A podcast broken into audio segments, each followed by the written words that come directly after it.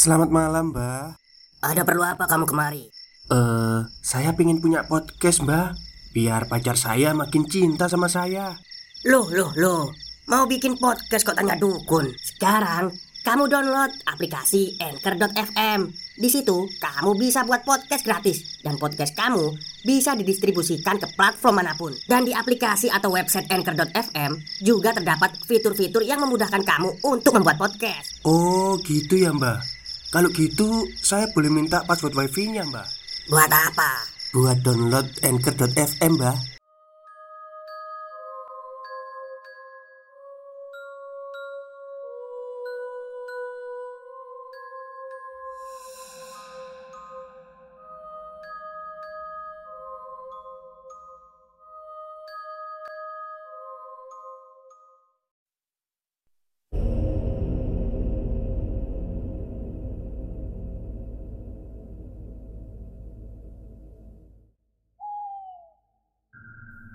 Assalamualaikum warahmatullahi wabarakatuh. Halo semuanya, jumpa lagi dengan saya Chow Sing Sing, kurator dari Podcast Horror Night Story. Halo, apa kabar semuanya? Semoga kalian semua baik-baik saja ya.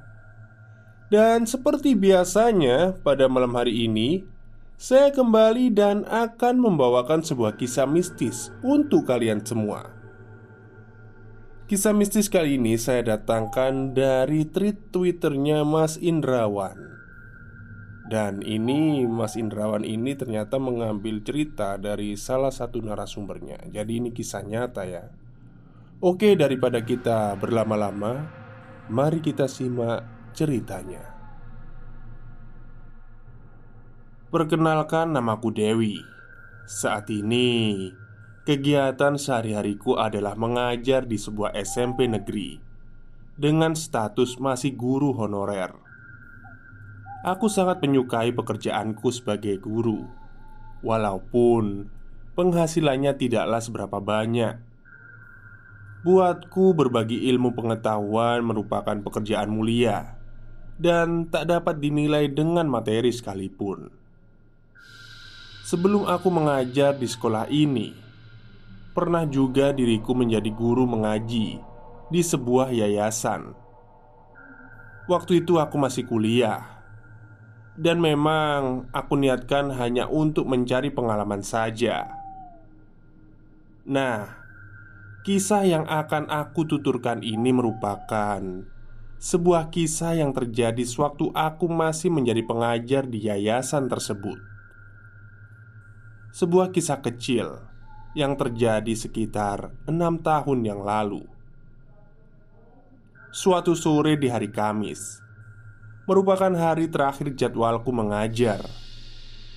Dalam satu pekan, kegiatan belajar mengajar memang hanya diadakan selama empat hari saja, dari hari Senin hingga Kamis. Seperti biasanya, Jam mengajarku dimulai dari pukul 4 untuk kelas sore. Kemudian akan dilanjut lagi dengan kelas malam Yang dimulai dari menjelang maghrib hingga waktu sholat isya. Oh iya, sebagai tambahan Tempatku mengajar ini merupakan sebuah rumah milik yayasan tersebut. Karena masih berupa cabang yang baru dibuka Jadinya belum begitu banyak anak yang belajar di tempat itu, dan gurunya juga masih hanya ada aku sendiri waktu itu. Tugasku di sini, selain bimbingan membaca Al-Quran, aku juga dituntut untuk bisa mengajarkan beberapa hal yang diminta oleh pihak yayasan, seperti membantu anak-anak untuk menghafal doa sehari-hari praktek ibadah, sampai belajar bahasa Arab. Tak lupa, aku juga mengajarkan mereka tentang adab dan akhlak, dan menekankan mereka untuk selalu melaksanakannya dalam sehari-hari. Gajinya juga terbilang kecil kalau itu, tapi seperti yang sudah aku sebutkan sebelumnya kalau aku memang cinta dengan dunia pendidikan. Tak masalah dengan gaji yang kecil, asal anak-anak didikanku bisa pandai dan sukses kelak. Toh, itu semua sudah cukup bagiku. Sebelum memulai pelajaran, biasanya aku akan mengabsen mereka satu persatu. Di dalam satu kelas, memang tidak begitu banyak muridnya. Hanya ada delapan anak di kelas sore dan delapan anak juga yang belajar di kelas malam. Proses belajar mengajar berjalan seperti biasanya di hari yang lain, hingga menjelang pukul setengah enam sore. Mereka pun pulang setelah membaca doa penutup, tentunya. Di jam ini, anak-anak yang akan belajar di kelas malam mulai berdatangan. Aku mulai dengan membaca salam dan doa belajar. Kemudian, aku absen mereka dahulu. Hanya ada tujuh anak yang masuk. Kuingat-ingat, satu anak lagi memang ada yang sakit. Hari Senin yang lalu, aku mendapatkan pesan WA dari orang tua muridku yang bernama Yona bahwa anak mereka itu terkena DBD dan sedang dirawat di rumah sakit. Aku memang belum sempat menjenguknya dikarenakan jadwal kuliah dan kegiatan yang lainnya bertabrakan. Rencanaku hari Jumat besok akan aku sempatkan diriku untuk pergi mengunjunginya. Seperti sebelumnya, proses belajar mengajar berjalan lancar tanpa kendala. Mendekati waktu sholat Isya, ku persilahkan anak-anak itu untuk pulang setelah membaca doa terakhir. Kemudian barulah aku mengerjakan sholat Isya. Baru saja aku mengucapkan salam terakhir di rokaat keempat. Di pintu masuk terdengar seseorang berucap, "Assalamualaikum." Aku sedikit kaget. Aku kenal suara itu. Suara salah satu muridku Waalaikumsalam Jawabku sambil berpaling ke arah datangnya suara Ternyata itu adalah Yona Murid kelas malam yang katanya sedang sakit Ia mengenakan jilbab dan baju hijaunya Seragam untuk anak-anak yang belajar di yayasan kami Tasnya tergantung di pundak Ia tersenyum malu-malu Aku agak heran melihat kemunculannya yang mendadak ini. "Yona, kamu sudah baikan?" tanyaku sambil membawanya masuk. Ia mengangguk. Wajahnya terlihat pucat. Seperti biasa, ia mencium punggung tanganku terlebih dahulu sebelum duduk. Tiba-tiba, terasa hawa dingin ketika kulit tanganku menyentuh dahinya. Sebenarnya ada sedikit perasaan aneh di hatiku dengan kedatangannya di saat jam belajar sudah selesai seperti sekarang ini. E, kapan kamu pulang dari rumah sakit? Kok nggak ngasih tahu? Tanyaku lagi. Ia tersenyum sesaat, lalu berkata, Aku mau ngaji ustazah Aku pun mengiyakan permintaannya Walaupun saat itu sudah lewat dari jam belajar yang seharusnya. Kuputuskan juga untuk menemaninya mengaji sebentar malam itu. Kutunda dulu niatku untuk mengabarkan kepada orang tuanya lewat pesan WA Kalau anaknya ada bersamaku sekarang. Sedikit informasi mengenai Yona, anak didikku ini. Dia termasuk salah satu murid yang paling cepat pandai dibanding teman-temannya. Baru sekian bulan belajar bersamaku, ia sudah mampu membaca Al-Quran dengan sangat baik. Ia juga sanggup menghafal banyak doa sekaligus, serta menghafal beberapa surat pendek dalam tempo yang waktu relatif singkat. Di usianya yang baru menyentuh angka 10 Sifatnya juga sangat cukup dewasa. Ia tak begitu suka main. Terkadang Ia akan memarahi anak-anak yang ribut Saat kami sedang belajar.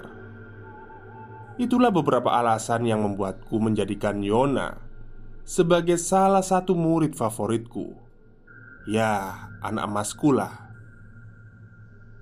20 menit berlalu Setelah aku membimbing Yona membaca Al-Quran Akhirnya aku akhiri kegiatan tersebut Karena Mengingat kondisinya yang masih terlihat sangat sakit.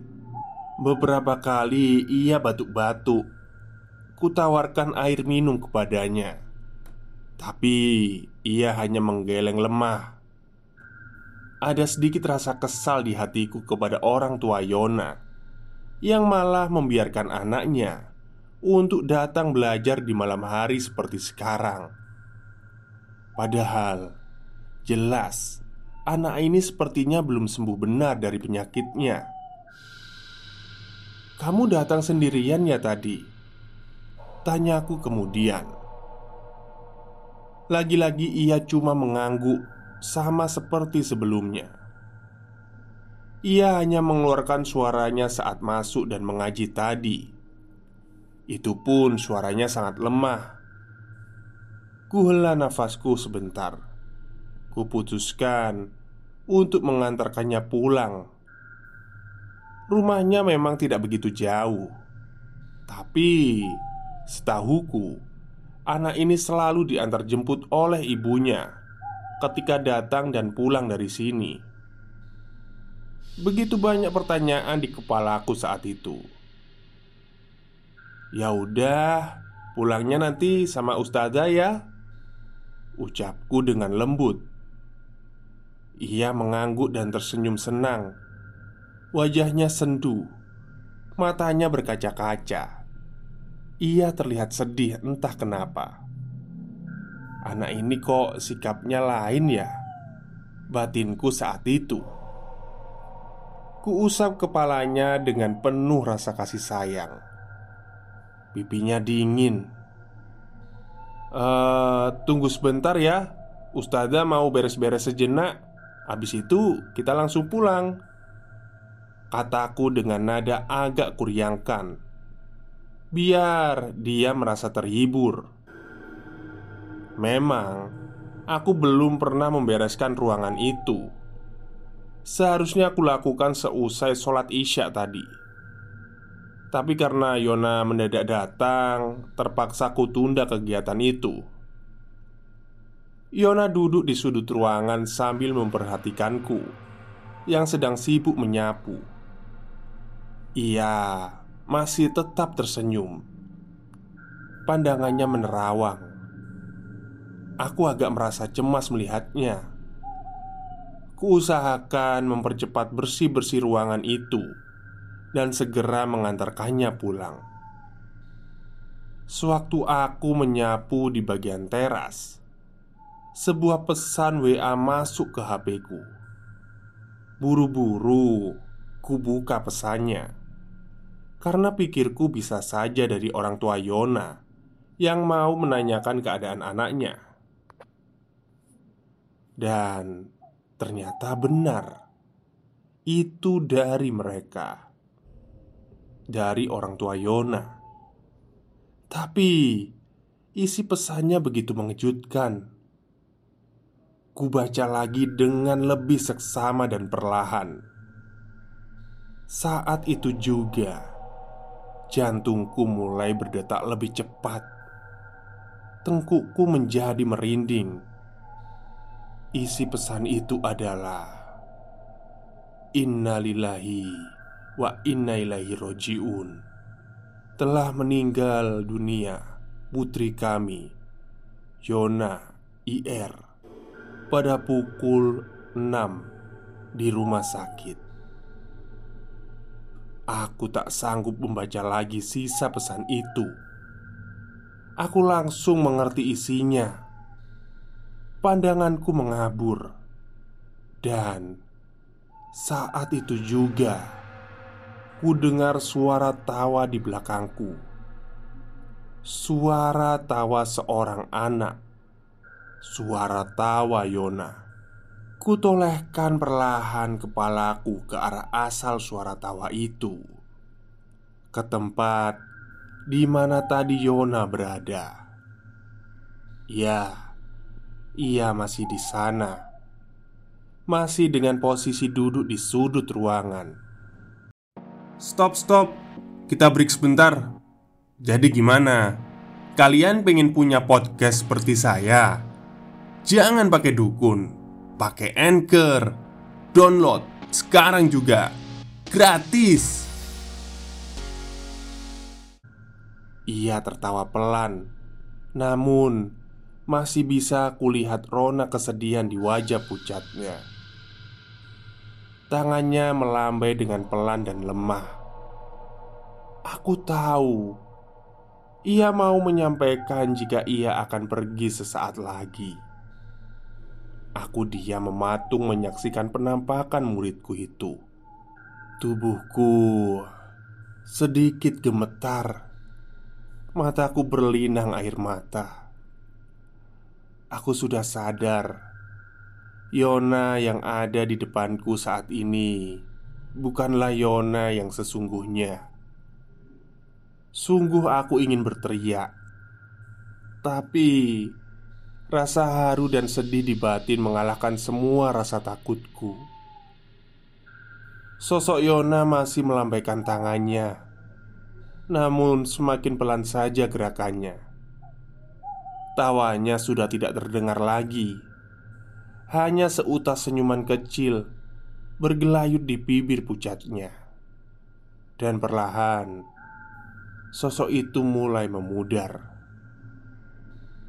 Ia membisikkan salam terakhir Yang dapat ku dengar samar di telinga. Assalamualaikum Ustazah. Bisiknya halus. Sebelum akhirnya ia menghilang Waalaikumsalam. Jawabku Dengan suara lemah. Aku menangis baru pertama kali inilah Aku menyaksikan sebuah penampakan. Tapi sedihnya Yang kulihat ternyata penampakan dari muridku yang baru saja berpulang beberapa saat yang lalu.